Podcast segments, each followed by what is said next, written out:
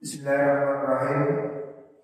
Allah Rasulullah sallallahu alaihi wasallam Inna Adam ati rabbaka tusamma aqilan wa la tusi fa tusamma jahilan. Rasulullah sallallahu alaihi wasallam menyatakan satu perintah wahai anak Adam adik rabbaka adik manusia sira kabeh rabbaka ing pangeran sira. Madutlah kau pada Tuhan Taatlah kamu pada perintahnya. Takun Dusama Dusama di siro Adilat kang duweni akal Kalau kamu taat pada Allah Berarti kamu dianggap orang punya akal. Akal itu arti kata asalnya itu tahu Jadi akal itu kendali Kalau kamu bisa mengendalikan dirimu Kalau kamu taat pada Allah Bisa mengendalikan diri Maka kamu berarti punya akal Artinya berarti kamu bisa dikendalikan. Kamu bisa mengendalikan dirimu. Tetapi kalau kamu tidak taat pada Allah Kamu hidup seenaknya, semaunya Maka berarti kamu tidak punya akal. Akal itu tali. Kendali. Berarti tidak ada kendalinya. Kalau sapi kan ada talinya kendalinya. Kuda, sapi kan ada talinya. Manusia itu kendalinya ya akalnya kalau dia bisa dikendalikan dengan aturan, berarti dia punya akal. Ada tali. Kalau dia tidak punya kendali, tidak halal, tidak haram, pokoknya ngawur aja, berarti tidak ada akalnya, ada talinya, dia. lepas gitu. Walatusihi fatusamma jahilan. Walatusilan ojo dura ojo Allah Fatusama mongkoden arah disiro dan arah jahilan ing wong kang budu. Kalau kamu tidak taat pada Allah, kalau kamu durhaka kepada Allah, maka kamu akan disebut sebagai orang yang bodoh. Jadi orang yang durhaka itu bodoh. Karena? Dia tidak takut pada Allah. Sahabat Ibnu Abbas menyatakan kenapa Al-Quran itu beri contoh Ulaika kal-an'ami balhum abal Manusia yang sesat itu seperti hewan Bahkan lebih dari hewan Lebih sesat lagi. Kenapa? Karena hewan aja tahu terima kasih. Kamu punya kucing Dipelihara Pasti dia itu taat. Apalagi anjing. Anjing itu hewan yang tidak sekali anjing, kucing itu bisa dikendalikan karena dia dikasih makan.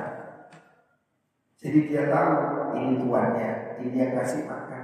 Dia tidak akan gigit. Ya. Loh, manusia ini dikasih Allah hidup, nikmat, sehat, tapi nggak taat. Kan kalau sama kucing, kucing itu kalau kita pelihara, tidak berani naik ke meja, kus kus, ya. dia cinta, karena dia tahu terima kasih. Ya. Jadi orang yang durhaka kepada Allah itu dianggap jahil, walaupun pintar, walaupun profesor. Ya. Kalau dia durhaka kepada Allah, dia itu jahil, bodoh. Kenapa? Dia tidak tahu bagaimana cara berterima kasih pada Gusti. Ini disebut dengan jahil.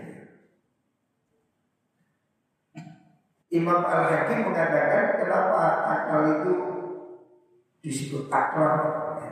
Inna rasumi al-taqul akal Li andal jahla zulban Disebut akal itu karena apa? Karena kebodohan itu gelap ya. ya.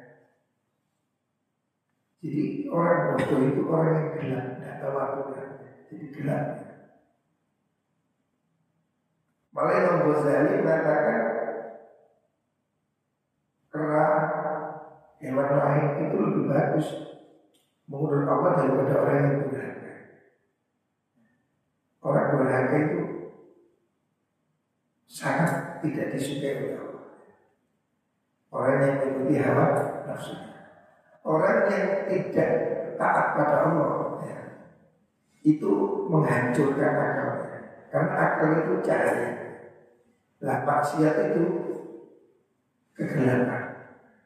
Jadi orang itu kalau berlaku maksiat maka menjadi akalnya itu.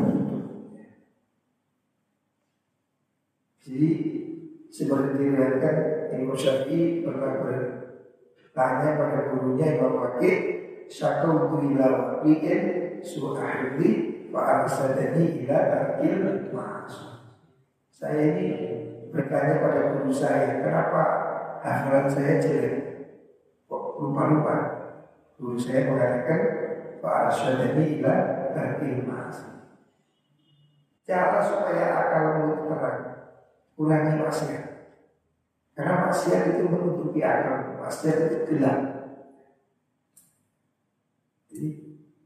Fa'alam ini ada ilmu nurun wa nurullah la yuqta li'asu. Ilmu itu cahaya. Cahaya tidak diberikan pada orang yang durhaka.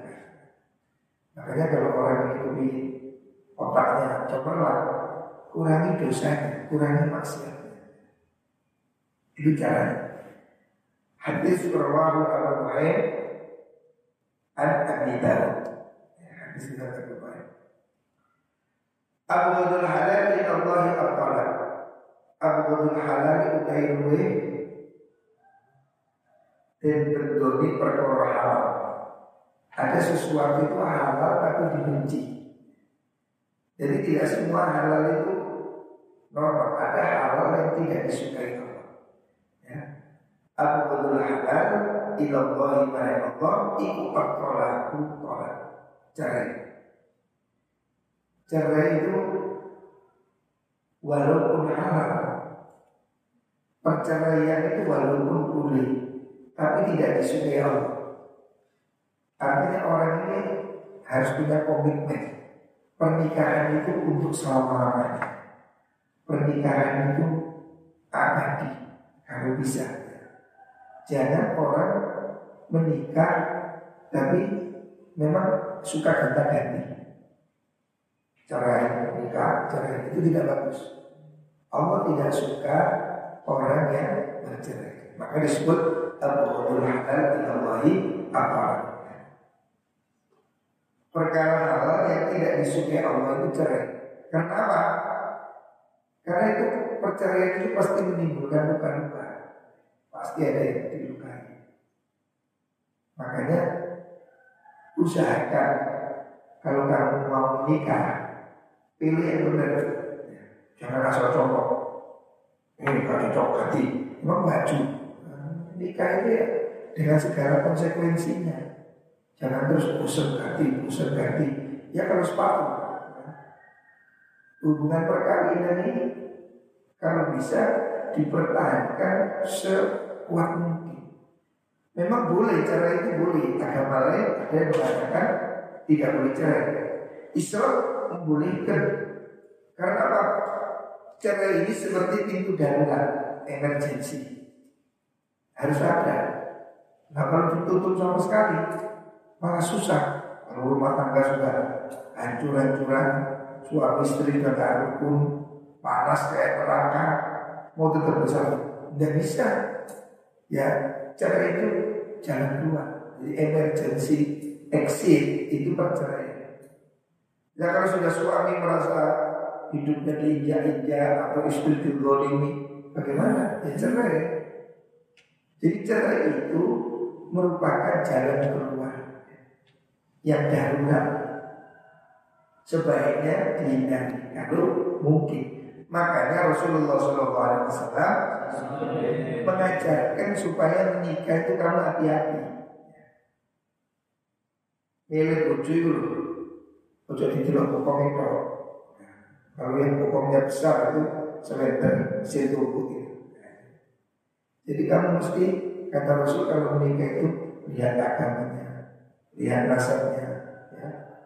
Jadi agama nomor satu. Walaupun cuma antik ya, istri cowok antik, kinis-kinis, tapi akhlaknya jelek, kamu hidupmu menderita. Kaya juga belum tentu bahagia, istri kaya, kamu jadi batunya. Ya. Dia tidak bahagia. Nasab juga penting, tapi bukan unsur nomor satu. Cantik juga penting, karena cantik ini dilihat orang. Jelek ya. Nanti kamu gak puas. Maka yang cantik juga perlu. Tetapi agama nomor satu. Supaya perkawinan ini jangan sampai kandas. Tapi kalau harus terjadi perceraian ya tidak apa-apa. Itu jalan terakhir. Makanya Al-Quran mengajari supaya kita ini kalau terjadi cekcok rumah tangga. Jangan langsung cerai Baik apa bainima Fakatu hakaman min ahli Wa hakaman min ahliya Harus ada mediator. Orang ini kalau emosi kan sama-sama Sama-sama Tensi tinggi. Makanya nggak bisa ngomong. Orang itu kalau emosi Kan teriak-teriak Karena dia itu nggak terdengar suara Dia harus keras Padahal di depannya masih harus bergerak Karena nggak tembus ya. Jadi tensinya udah terlalu tinggi. Makanya harus ada mediator. Hakaman min ahli wa hakaman min ahliha. Harus ada dua pihak yang mewakili berunding. Gimana harusnya? Ini solusinya demikian. Jangan asal cerai, jangan cekcok duit, cerai, cekcok cerai. Harus ada ada mediasi dulu. Makanya Al-Quran sendiri mengajarkan suami itu supaya apa? Bagaimana dia mempunyai tahapan-tahapan. Kan tidak boleh langsung dipukul. Jadi Al-Quran mengajarkan wala takhafuna nusuzahunna fa'idhuhunna Wanita-wanita yang mulai nusus Wanita yang kalau istrimu itu kurik ya, maka resep pertama itu itu kasih nasihat. Jadi yang sering komunikasi suami istri itu ngomongnya enak, ya. ngomongnya baik-baik. Kalau ngomong baik-baik, gak didengar, ngomong baik-baik, gak didengar, wah dulu benar mau bagi. Cara yang kedua itu jangan langsung keras, mulai di pisah ranjang. Maksud pisah ranjang itu satu rumah tapi suami tidur kamar depan, istri kamar belakang. Boleh nggak tidur bareng? Atau kalau ranjangnya cuma satu ya suami ada tidur, istri ada belakang. mulai didiemin, didiemin supaya dia perasaan. Gitu. Jadi jangan langsung kabur. Ya kalau nanti kamu kabur malam-malam kedinginan kan susah tadinya. Ya, makanya eh satu rumah dulu lah, tapi enggak saling diam dulu. Biar apa? dan mengendap emosi mengendap. Kalau didiemin masih kurang ajar, baru memberi pukul, boleh dipukul. Tapi mukulnya pun tidak boleh, tidak boleh memukul dengan pacul, boleh. Ya mukul itu sesuatu yang menunjukkan kemarahan, tidak usah pakai, tidak boleh melukai, tidak boleh tempelin wajah, tidak boleh. Gak boleh suami istrinya ditinju Gak boleh. Ya, Memukul itu Memukul yang Dalam arti cuma Jangan melukai Menunjukkan jengkel. Ini metode al Baru kalau kemudian tidak terjadi ya, Memang istrinya Adil banget ya. Baru boleh cerai. Makanya cerai itu pintu darurat. Jadi cerai ini ada beberapa tingkatan. Ada cerai itu yang boleh. Kalau memang pernikahan itu tidak bisa dipertahankan, karena istrinya akhwatnya buruk-buruk, kamu punya istri kalau bilang, ya umpamanya istrinya maaf PSK, nah, kalau itu harus dicerai. Ini istri sudah nggak layak pakai Namanya modal, modal, ngoprek. Nah, itu ada perceraian itu yang harus, yang wajib. Karena akhlaknya sudah sangat buruk, ya, harus bercerai. Ada yang sunnah, ada yang makruh, ada yang boleh. Ya. Jadi aslinya pernikahan tolak itu boleh. Tetapi melihat kasusnya, bukan berarti semua perceraian itu dibenci. Karena Rasulullah SAW sudah pernah bercerai. Rasulullah pernah menceraikan istrinya walaupun rujuk kembali. Dan Rasulullah pernah menyuruh seorang sahabat yang mengadu istrinya demikian disuruh cerai.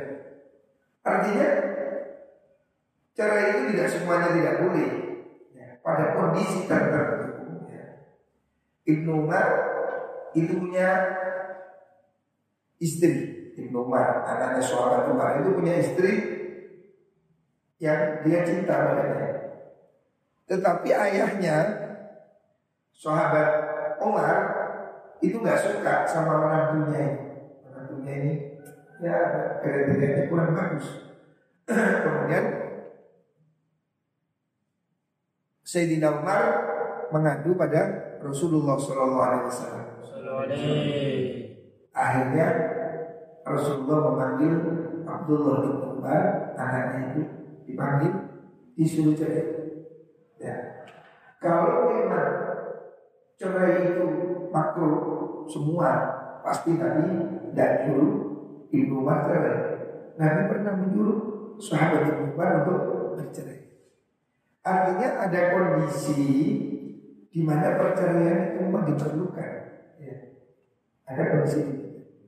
Jadi kalau wanita itu akhlaknya dulu rumah tangga tidak bisa dikendalikan, maka perceraian itu salah satu pilihan.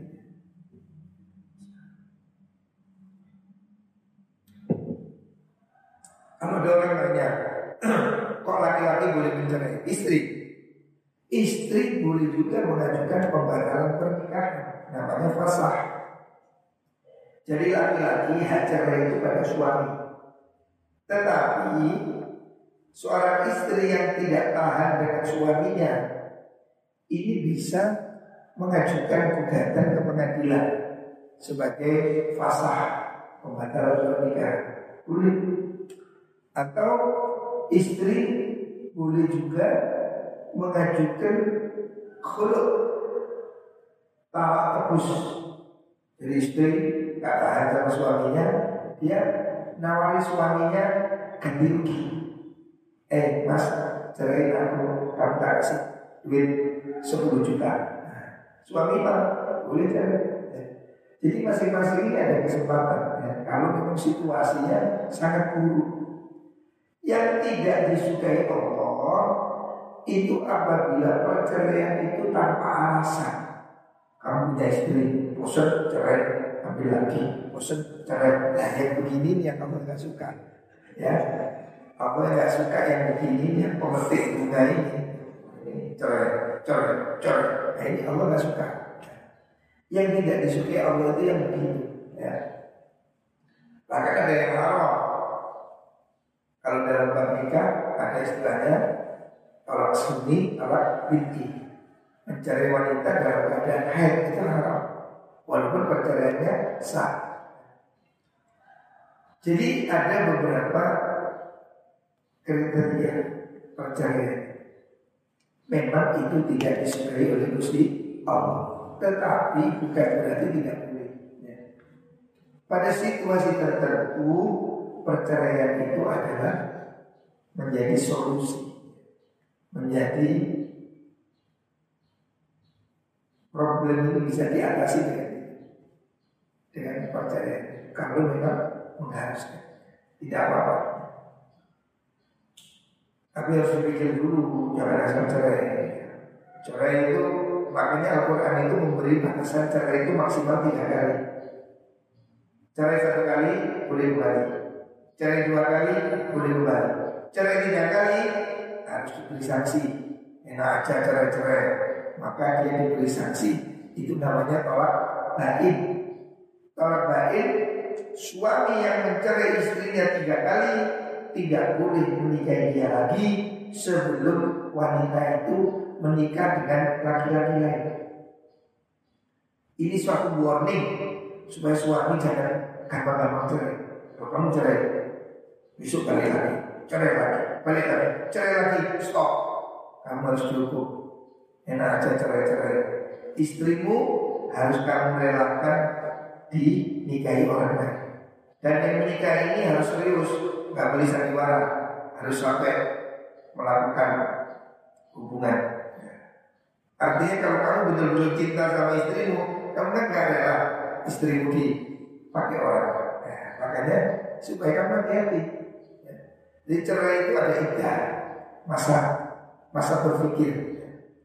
Ada masa untuk kita itu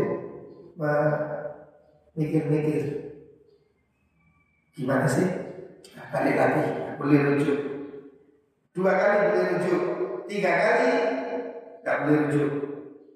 Ini harus ada muhalil muhalil itu laki-laki kelahiran ketiga. Laki-laki yang penyerah lah muhalil ini jadi kalau kamu udah cerai tiga kali kamu nggak boleh nikah dia lagi dia harus dinikahi orang lain berkumpul dicerai baru boleh kamu nikahi makanya itu hukuman supaya suami tidak gampang-gampang menceraikan istri. Hadis Rawah Abu Dawud di Sunani. Ada Jibril. Ada tekoni ing ingsun sapa Jibril malaikat Jibril. Ini hadis yang riwayat Imam Bayhaqi. Rasulullah Alaihi Wasallam bersabda, "Atani Jibril." Ata tekoni ing ingsun sapa Jibril malaikat Jibril. Faqala kepada sapa malaikat Jibril ya Muhammad wa Muhammad. Ish masyaallah. Ish puri pasira ing dalam waktu sita karep sapa sira. Kamu hiduplah sesuai waktu yang kamu kehendaki.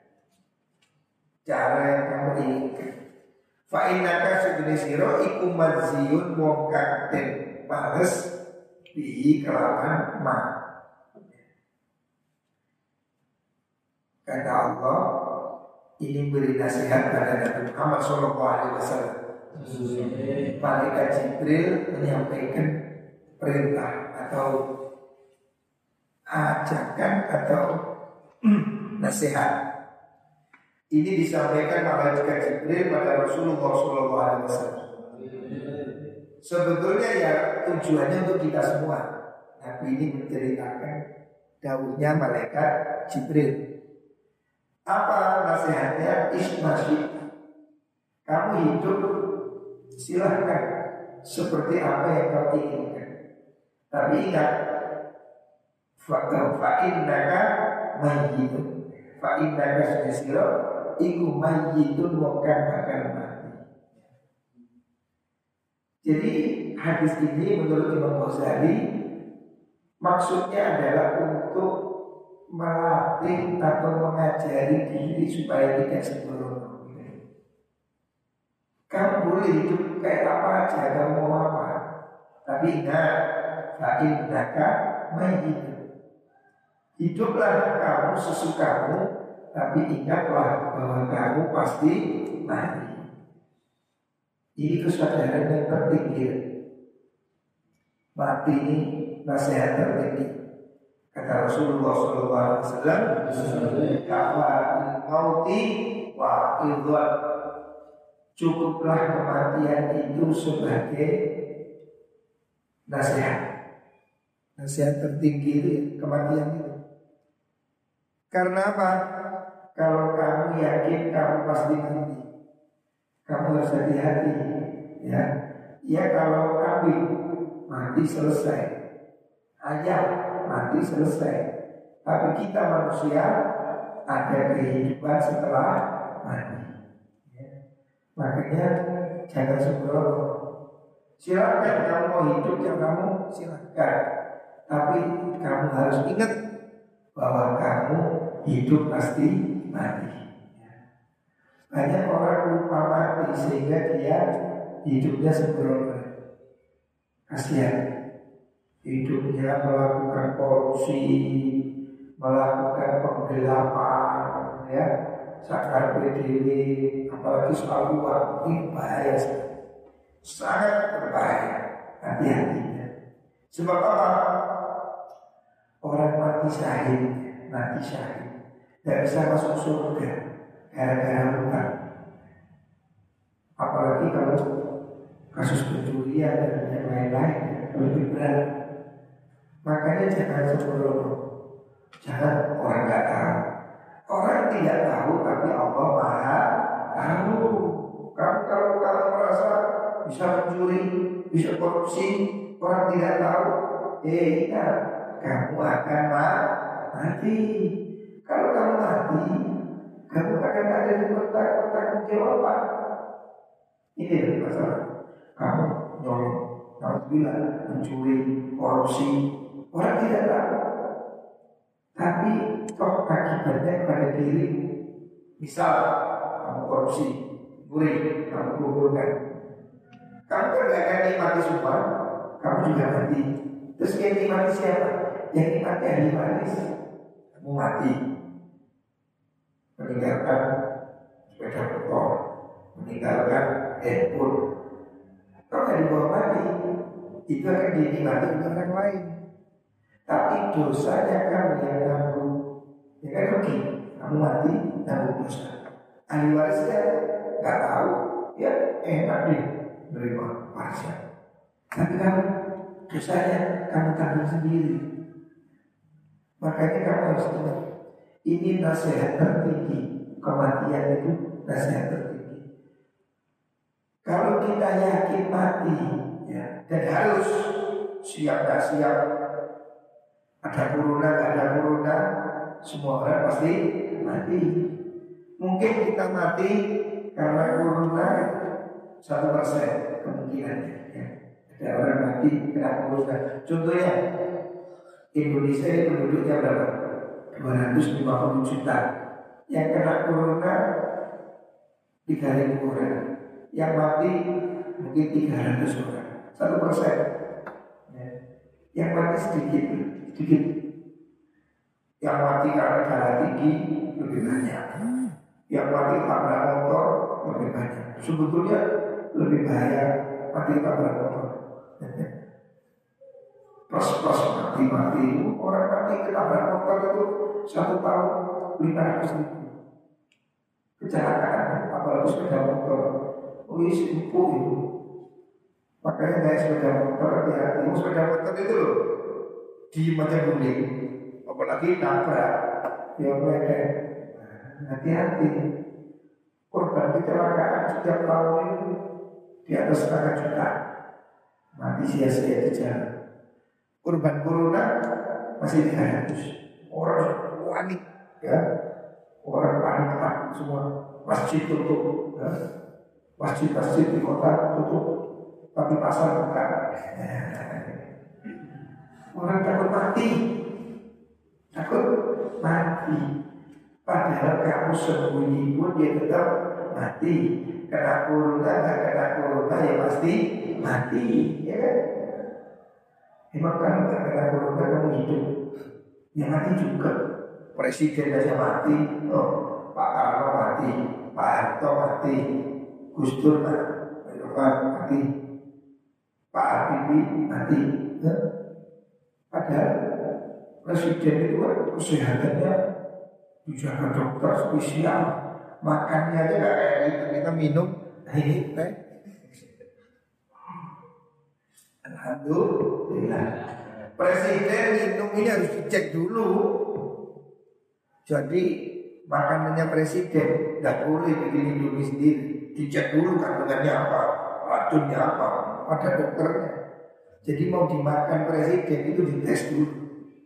Nyatanya mati. Nah, padahal kurang sehat gimana dok? Secara akal presiden ini wah super sehat. Ada dokter yang periksa makanannya diperiksa, kesehatan diperiksa.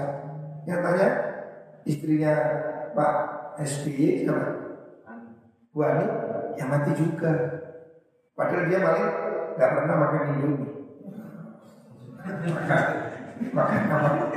Mie murah-murah itu nggak ada. Katanya orang itu leukemia itu gara-gara apa? Gara-gara makan indomie. Masa istri presiden makan indomie? Gak mikir Tapi ya mati juga. Gitu.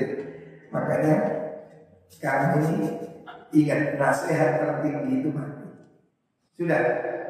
Kalau kamu sadar bahwa hidupmu pasti mati, maka kamu hati-hati ya. Jangan sembrono ya.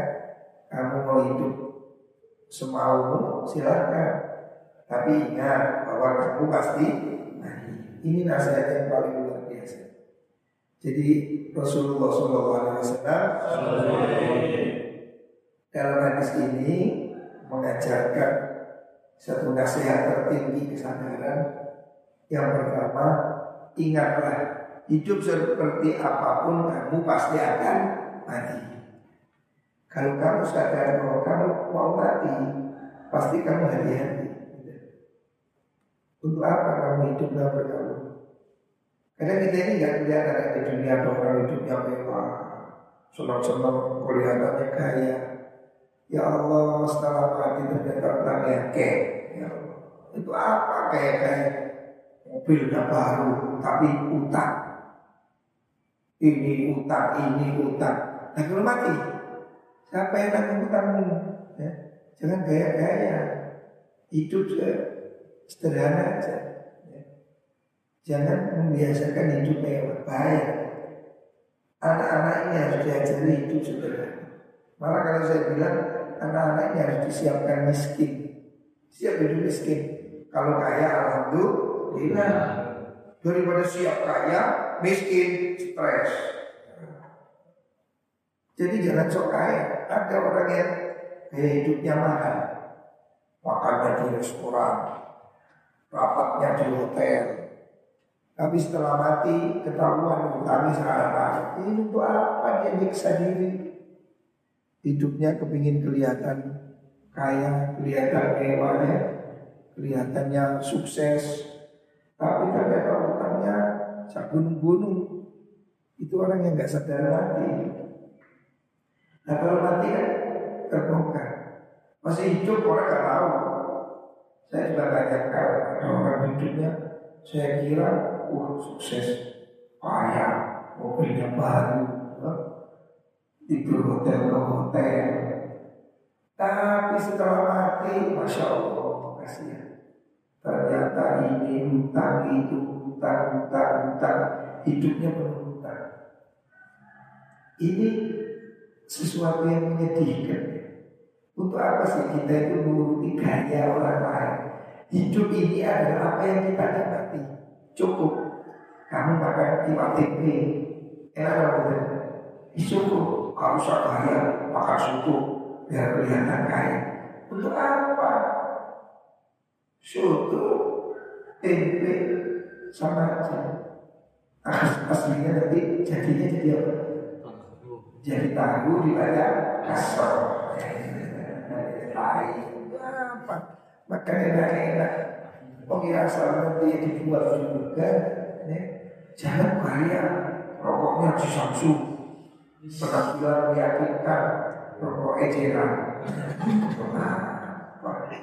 Ya Jangan hidup kita ini tergantung orang lain. Hidup kita ini apa yang kita nikmati Bukan apa yang dilihat orang ya. Orang ini jadi beban karena hidupnya Kepingin dilihat orang. Mobilnya kelihatan bagus Bajunya bagus. Bajunya apa yang ada? Ini Jas saya ini sudah 11 tahun. Saya masih ingat ini bikinnya tahun 2008 sampai saat ini. Ya kok kaki orang kalau ini selama saya tak peduli. Jangan kita ini kakek gaya. Gaya itu sampai beban. Jika hidupnya banyak beban, berarti kamu kalian gaya itu rumusnya itu jadi beban itu seimbang dengan gaya Kalau hidupku banyak beban, berarti kamu kaya, kaya, jadi berarti kalau penampilannya mewah, gak usah. Ya.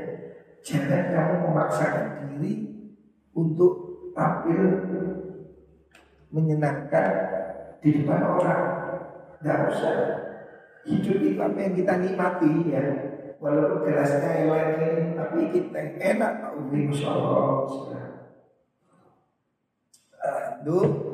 Gak usah pakai kelas kristal mahal. Tapi kopi ini mampu. Yang penting kan bukan gelasnya. Walau gelasnya mahal, kopi ini ada. Ini gelas murah, tapi tayangan enak. Ya. Jadi hidup itu apa yang kita rasakan, bukan casingnya. Gitu. Jadi yang penting itu isinya, bukan biayanya. Ya. Habib Lan demen sira Main perkara sikta kang karep fa inna kasbi sira iku mufariquhu bakal misai sira ing cintai sesuatu itu wajar aja. Karena apa? Yang kau cintai pun pasti kamu tinggal. Ya. Kamu istri cinta. Kalau dia mati kamu mau dikubur ya? atau kamu mati istrimu mau dikubur? Ya nggak tahu ya. jadi suka sesuatu itu sedang-sedang aja. Jangan terlalu ya. mencintai sesuatu itu biasa aja. Ya cinta ya. Tapi jangan terlalu mencintai. Karena apa? Toh kamu akan berpisah sesuatu di dunia ini tidak ada yang abadi. Semua pasti akan hilang Wa amal lan lakon sira maing perkara sita kang karo sira fa inna kasne sira iku maziyun wa kang bakal den males. Bihi karena lakukan sesukamu atau kamu akan dibalas sesuai yang kamu lakukan. Terserah kamu kepingin dapat balasan baik lakukan yang baik. Siapa yang menanam pasti akan aneh. Kamu hidup ini seperti nanam kamu mau apa Kepingin panen apa bocor? Lek nanam lombok ya panen lombok. Nanam terong ya panen terong. Gak mungkin lah nanam terong panen apel. Ini ya Allah. Tidak mungkin kamu akan menanam berapa panen rambutan. Apa yang kamu tanam kamu akan panen. Kalau kamu berbakti pada orang tuamu, kamu akan dibalas. Anakmu berbakti padamu. Tapi kalau kamu durhaka pada orang tuamu, ya lihat aja. Ya, lihat, lihat, buktikan ya. Kalau kamu durhaka pada orang tuamu, anakmu akan lebih dari itu.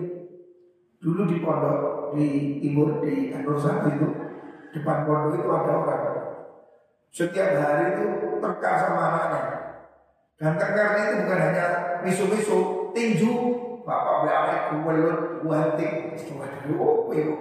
Bapak sama anak kok smackdown ya wadah durhaka seperti itu.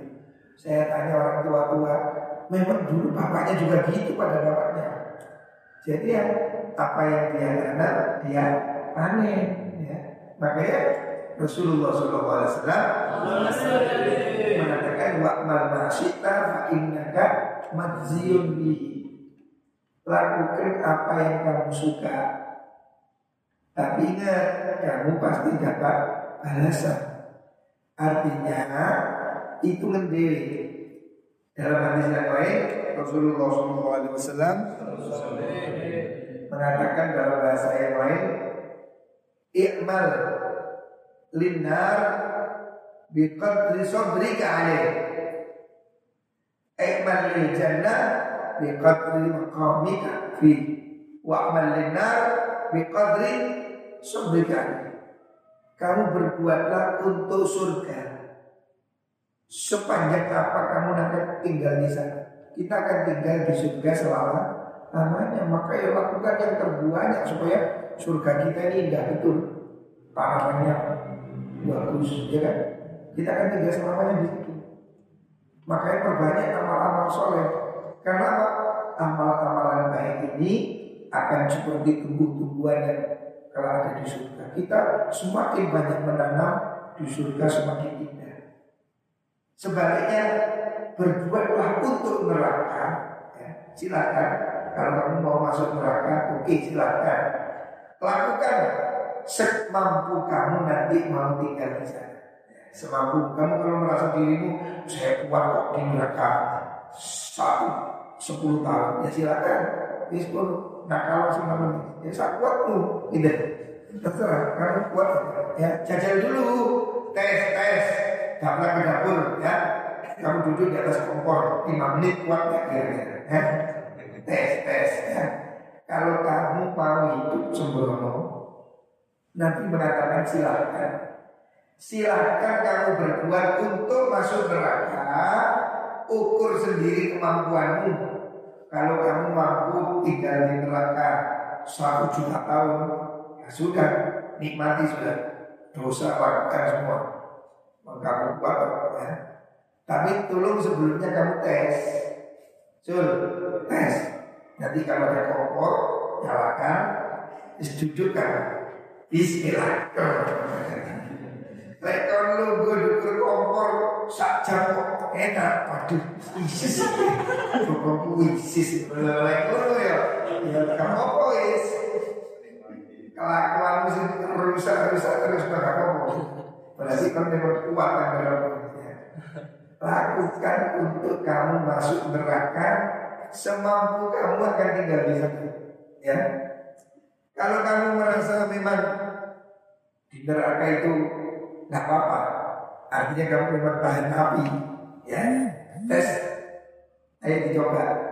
Itu kompor yang gede itu Kalau ada kompor jos Kompornya pangsitil Jos Lungguan Oh ISIS. Ya. Kalau kamu merasa kompor jos ISIS Ya nanti kamu Kuat masuk neraka. Apa-apa Ya Allah Jajaran ya.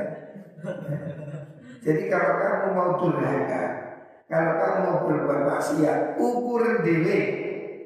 Kemampuanmu masuk neraka berapa? Ya.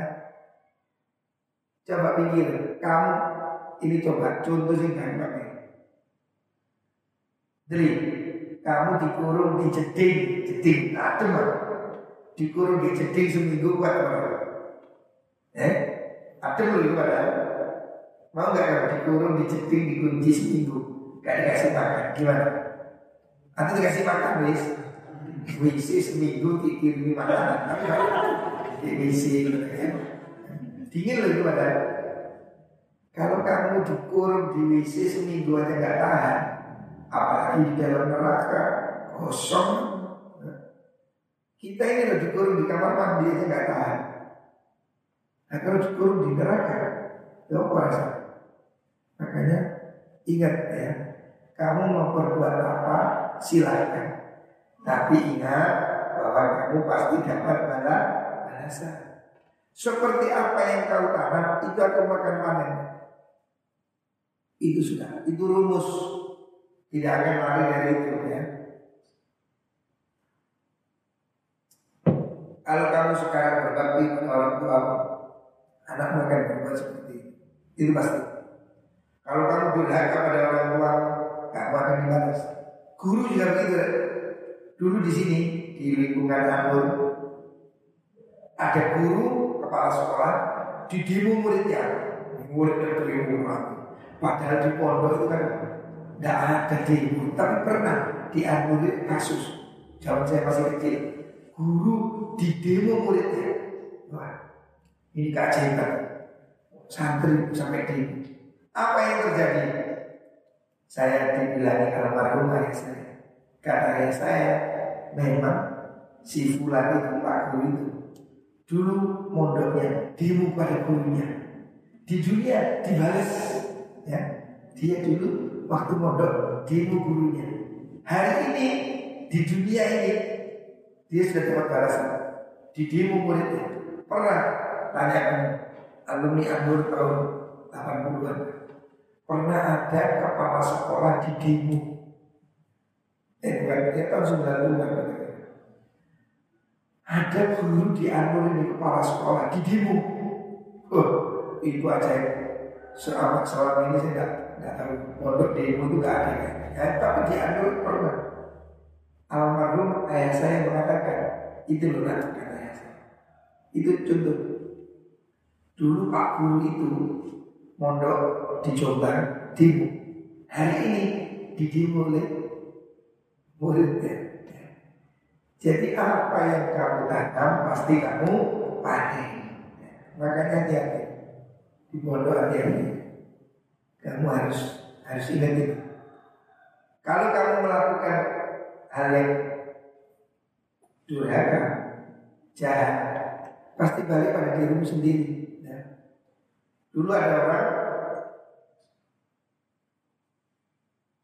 jualan susu dicampur dengan air susu satu liter air satu gelas.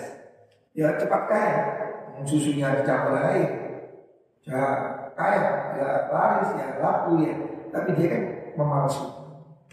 Hingga suatu saat kemudian apa yang terjadi? Ketika dia sudah kaya sapinya banyak Allah turunkan banjir banjir pada semua sapi ini kintir cari anak Pak itulah air yang kita jual dulu sekarang datang bersama-sama. Wah, sapi yang aku diambil semua, ya. tidak berkah.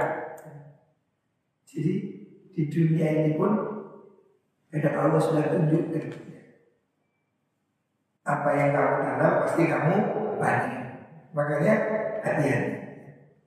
Wa la nur wasiro anna syarafal mu'mini setune kemuliaan wong mukmin iku qiyamuhu tanine jumeneng salat wong mukmin billaili ing dalem wengi. Ya, ketahuilah bahwa kemuliaan orang mukmin itu tahajud di hari. Ya. Kamu yang sudah santri ini hati-hati. Jangan sampai santri nggak tahajud. Saya ini kadang sedih.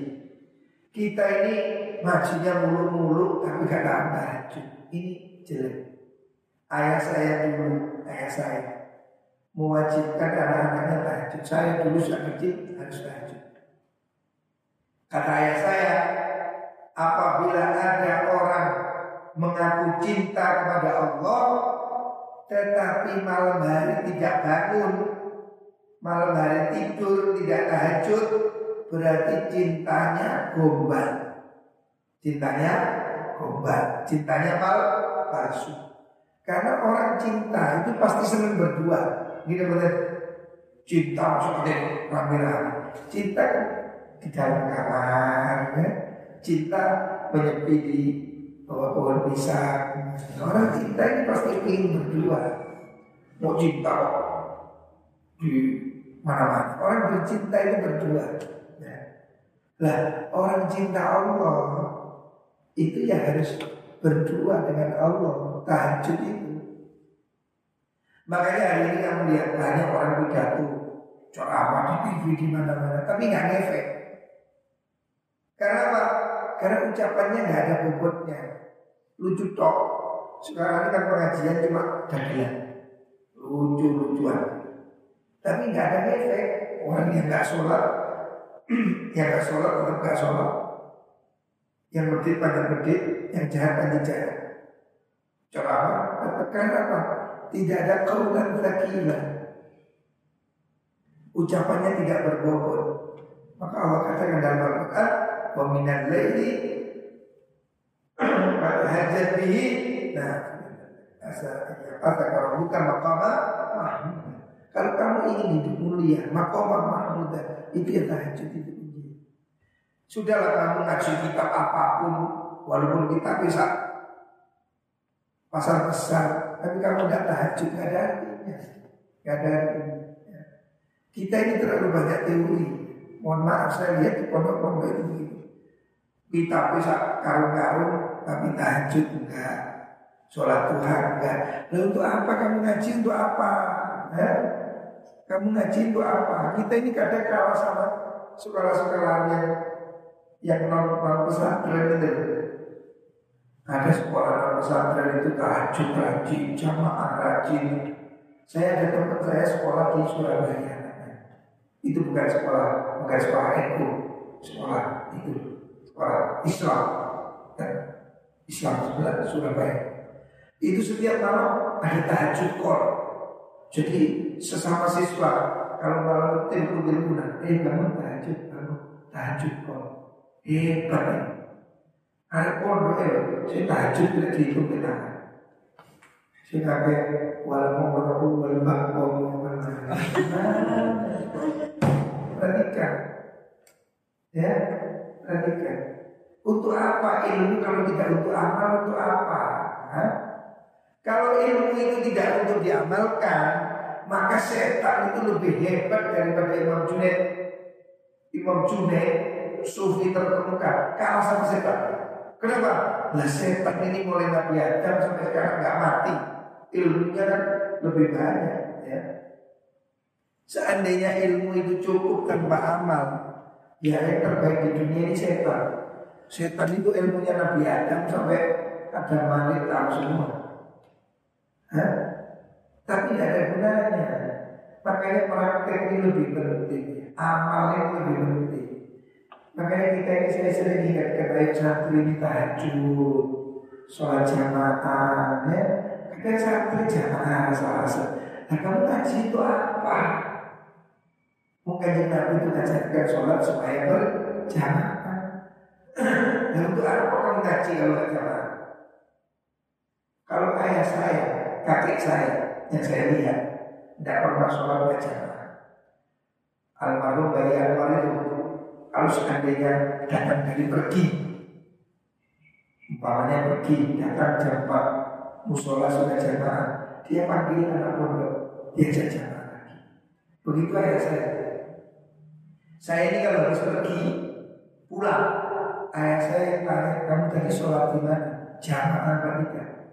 Kalau tidak jamaah Suruh sholat lagi ya, Suruh sholat lagi Panggil teman Suruh sholat jadi orang tua kita ini lebih banyak yang praktek, bukan ketinggi. Orang dahulu itu kitabnya gak tinggi-tinggi. Wah ada, zaman dahulu kitab itu mahal. Ayah saya dulu ngaji kata ayah saya, kitab Fathul Wahab itu harganya sama dengan satu ekor kambing. Karena zaman dulu kitab ini impor dari Mesir mahal, belum ada kapal. Jadi kita Fatul Wahab itu dulu sudah seharga satu ekor kambing. Apalagi ini kita satu proyek. Wah ini sama dengan lima ekor sapi kira-kira. Fatul Wahab itu sekecil harganya sama dengan satu ekor kambing. Jadi zaman dulu kiai-kiai itu kitabnya nggak banyak. Kamu lihat keputusan utama NU tahun 35 Tidak ada kitab aneh-aneh hanya satu bahar, satu korin, uji hanya itu. Hmm, karena apa? Zaman dulu kitab itu langka. Saya masih lihat kitabnya kakek saya, Bayi Anwar, dulu di rumahnya. Yang namanya Fatul Qorib deh, Fatul tahu, kecil itu. Kakek saya kitab Fatul Qorib itu gedenya segini, segini, wadahnya. Karena tulisan tangan, kertasnya kokoban, jadi satu korin itu besarnya itu sebesar yang dikumpulkan kuli itu apa namanya? Partner itu yang buat mengumpulkan itu segini besar. Satu korin itu kuli hanya satu korin. Maka dari ini dicetak cuma tipis. Jadi dulu kita itu barang Kiai dulu ngaji Fatul Mu'in sudah jos. Fatul Wahab, oh top. Zaman dulu kita topik Fatul Wahab. Tidak ada dia punya tidak ada. Coba kamu lihat keputusan abad lima puluh belum masuk kita baca. Fatul Wahab, Fatul Qorib, Fatul Mu'in. Ya. Tetapi amaliyahnya luar biasa.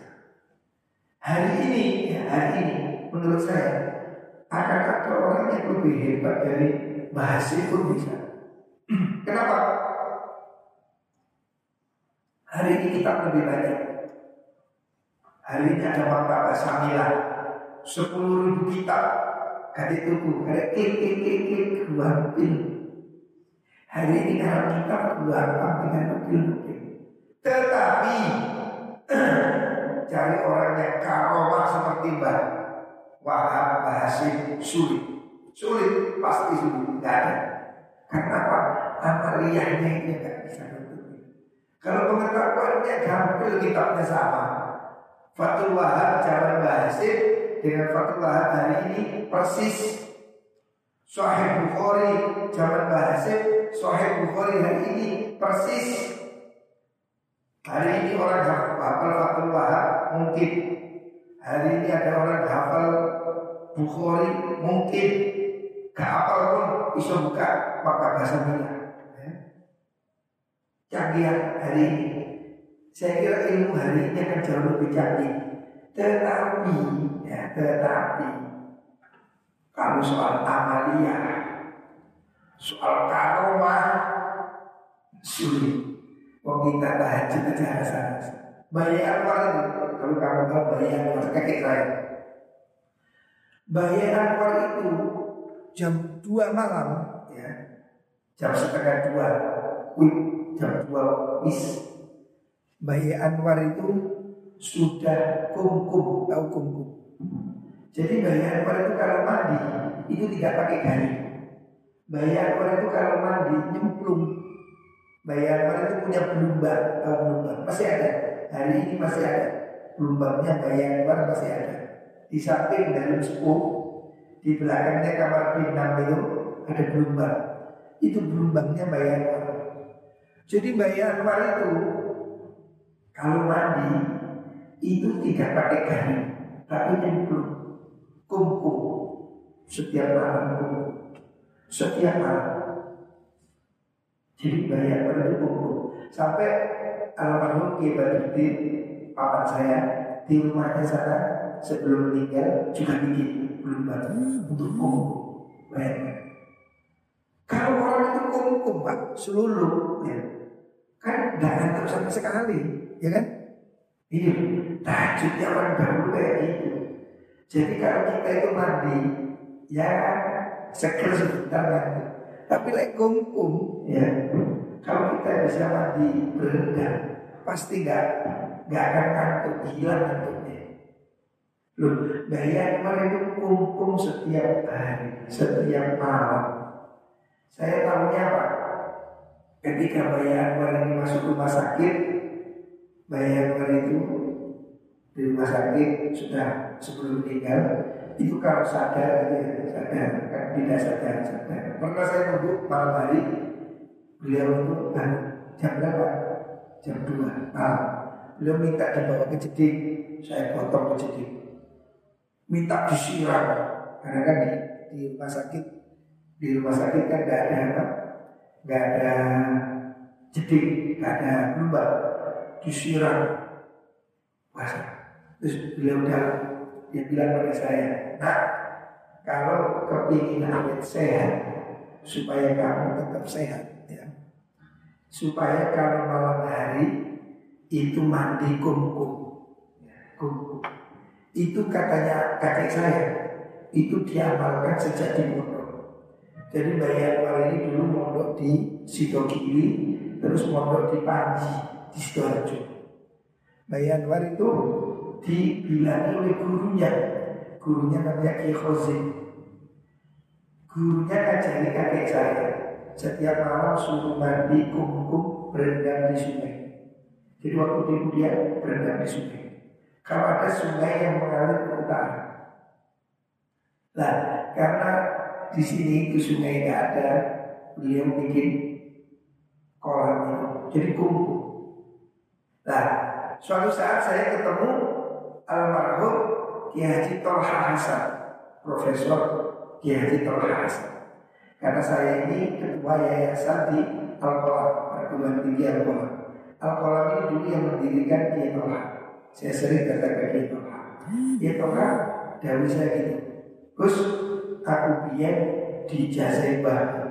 Saya dulu dijazai kakek suruh kum-kum berendam pada hari terus baca doa. Nah doa ini saya baru tahu dari kita Doanya apa? Supaya awet muda sehat itu. Doanya itu ringan. Allahumma shfi abda wa saddiq rasulullah. Allahumma shfi abda wa saddiq rasulullah. Jadi begitu doa. Itu saya diajari oleh Kiai Dan Kiai kan panjang umur. Kiai itu sampai hampir 90 tahun. Bayar orang itu dulu usianya 93 tahun. Sehat, tak sakit. Setiap malam kumpul. Nah saya aja juga belum kuat kumpul. Karena saya nggak punya perubahan. Ya saya paling pagi-pagi soal. Nah, tapi kamu bayarkan apa? Ya saya pikir begini.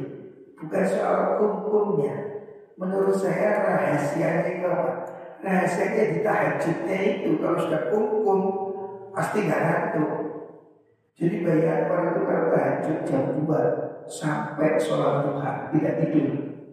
Saya melihat sendiri karena saya ini sejak kecil ikut di rumahnya Bayar Jadi Bayar ini bangun malam hari jam 2 kumkum tahajud sampai subuh ngimami subuh.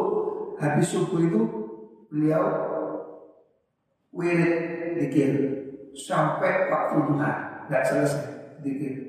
Kalau sudah duha sholat duha baru keluar duha jadi beliau itu nggak keluar keluarnya mulai setelah subuh sampai duha itu tidak tidur pilih saya kalau mau pamitan waktu saya mondok mau pamit harus nunggu beliau sampai sholat duha. Karena mulai subuh sampai sholat duha beliau nggak belum datang, nggak mau. Jadi turun dari musola dia punya kamar irit bikin irit bisa diganggu sampai sholat duha. Lu ini lu apa orang tua kita ini ya kitabnya nggak usah besar besar tapi amalannya ini yang besar ya.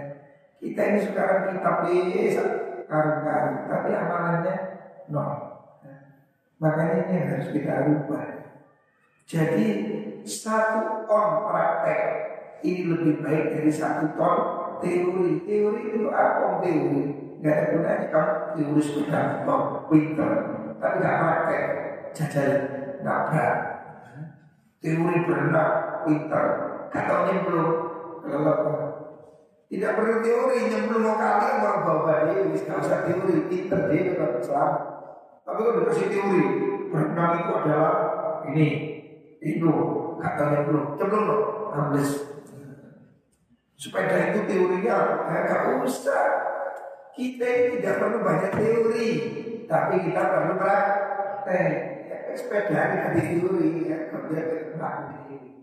Nah ini, kita ini akhir zaman. Terlalu banyak teori, kurang praktek. Jadi bayangan orang itu seperti itu. Ayah saya juga seperti itu. Ayah saya tahajud tidak pernah selesai. Setiap malam tahajud, jamaah, sholat sunnah. Ini loh yang ilmu itu ilmu manfaat ini. Ya. Lihat Imam Ghazali dalam kitab Ihya Ilmu manfaat itu ilmu yang membuat kamu takut pada Gusti Allah. Itu ilmu manfaat. Kalau ilmu itu tidak membuat kamu takut pada Allah, tidak ada gunanya. Untuk apa? Hafal Saya untuk hafal alfiah, hafal Khairul Makmun, hafal Kudul Jumat. Ya. Lulus saya sekolah ilmu itu lulus dengan Karena saya dulu hafal alfiah itu hafal, mana Khairul Makmun hafal, Ukudul Jumat saya hafal. Tapi itu apa? Kan untuk praktek. Istri lebih penting kamu nggak apa cuma nggak kokoh, seperti sholat duha. Ya, kamu nggak apa alfiyah nggak kokoh, seperti sholat tahajud. Karena Allah tidak akan menghitung di akhirat. Apakah kamu apa alfiyah? Enggak. Allah nggak akan tanya. Yang ditanya itu adalah bagaimana sholatmu. Bagaimana kamu amalkan ilmu? Yang Allah tanya itu amalnya, bukan ilmunya. Maka saya minta, ayo kita belajar sholat tahajud walaupun dua rakaat walaupun dua rakaat empat rakaat ayo berusaha tahajud itu kemuliaan orang mukmin di sini ya. kalau orang itu nggak ahli tahajud panggil Bisa ngomongin mau kapan Karena apa? Tidak ada sanurti alaika kaulan thaqila. Ucapannya tidak berbobot. Dulu banyak Kiai Anwar, Kiai Anwar, tidak banyak peraturan. Anwar itu tidak pernah pidato. Anwar itu dahunya pendek-pendek, tapi semua orang takut. Karena apa? Kaulan thaqila. Syaikhul Qadir Jailani dahunya pendek, orang nangis takut semua. Pernah suatu saat diriwayatkan anaknya Syekh Abdul Qadir Jailani ini merasa lebih hebat dari bapaknya. Dia mengatakan ayah saya itu cuma begitu, saya itu kan lebih ahli, lebih ahli, lebih ngaji. Akhirnya anaknya itu pidato. Tidak ada satupun yang nangis. Dia suka dalil. Tidak ngefek. Syekh Abdul Qadir, dalam sedikit aja semua orang nangis, semua orang nangis. Kenapa? Karena ada kaulat lakilan. Syaikhul Qadir ngomongnya pendek tapi orang sudah menyentuh hatinya. Ya. Mengenal berat. Tapi ada orang yang terus ngomong terus nggak masuk. Karena? Tidak ada kaulat lagi, tidak ada bobotnya. Ya. Makanya kalau kita kepingin ada bobot hidup kita, lakukan sholat tahajud. Terus yang terakhir wa izzatu wa izzu wa izzah dan setune kemuliaan yang mukmin iku istirna usuki mukmin anin nasi saja manusia. Terlalu berhati. Ingat kehidupanmu akan jadi mulia kalau kamu tidak tergantung dengan orang lain. Ya, ayo berusaha hidup diri. Makanya santri juga harus bekerja. Salah kalau saya nggak kerja, nanti rezeki Gusti Allah. Itu uang goblok. Lalu kan Nabi aja kerja. Kanjeng Nabi ini orang yang paling dicintai Gusti Allah. Kalau mau, Nabi cukup berdoa, Allahumma Pak sebelum Pak Dik. Nyampe bekerja. Kalau ada sok sufi, ah aku gak kerja, rezeki dari Allah. Eh, lo, lo, lo, Kanjeng Nabi itu bekerja, lo, lo. Kanjeng Nabi bekerja. Sampai Nabi mengatakan Inna allaha ja'ala rizki tahta dhilli rumhi Allah menjadikan rezekiku di bawah bayang-bayang tombakku Nabi bekerja ya. Makanya kalau ada orang aku gak kerja nanti dari Gusti Allah. Eh kamu ngerti gak, gak ada hujan mas kalau ada hujan mas bocor das ketimbang pas kilo pecah. Ketek ajul apa Allah tidak menurunkan hujan mas ya. Allah memang menjamin kata Rasulullah SAW kalau kamu betul-betul bertakwa pada Allah maka Allah akan cukupkan rezekinya seperti Allah memberi kecukupan rezeki burung burung tak burung yeah itu baru mau burung terbang burung itu tidak punya lumbung tidak ada. Burung pergi pulang bawa kresek. Oh, burung apa burung itu pergi pagi pulang sore kenyang ya pergi lapar pulang kenyang artinya rezekinya setiap hari diberi oleh Allah tetapi burung itu harus mau terbang Gusti Allah nggak kirim pagi ke susuannya. Gusti Allah mengatakan bahwa akan beri kamu rezeki seperti burung. Gimana burung dapat rezeki? Dia terbang, ceker-ceker, naik pohon, lalu pulang dapat makan. Pahami, Allah tidak mengirimkan makanan ke sarang burung. Gusti Allah kasih dia rezeki tapi terus mengirimkan pagi ke sarangnya. Nggak dia harus mau terbang. Makanya manusia juga harus ikhtiar. Kamu akan hidup mulia kalau kamu tidak jadi beban orang lain. Santri harus mandirinya bungkus buat dicukupi rezekinya oleh Allah Subhanahu wa taala.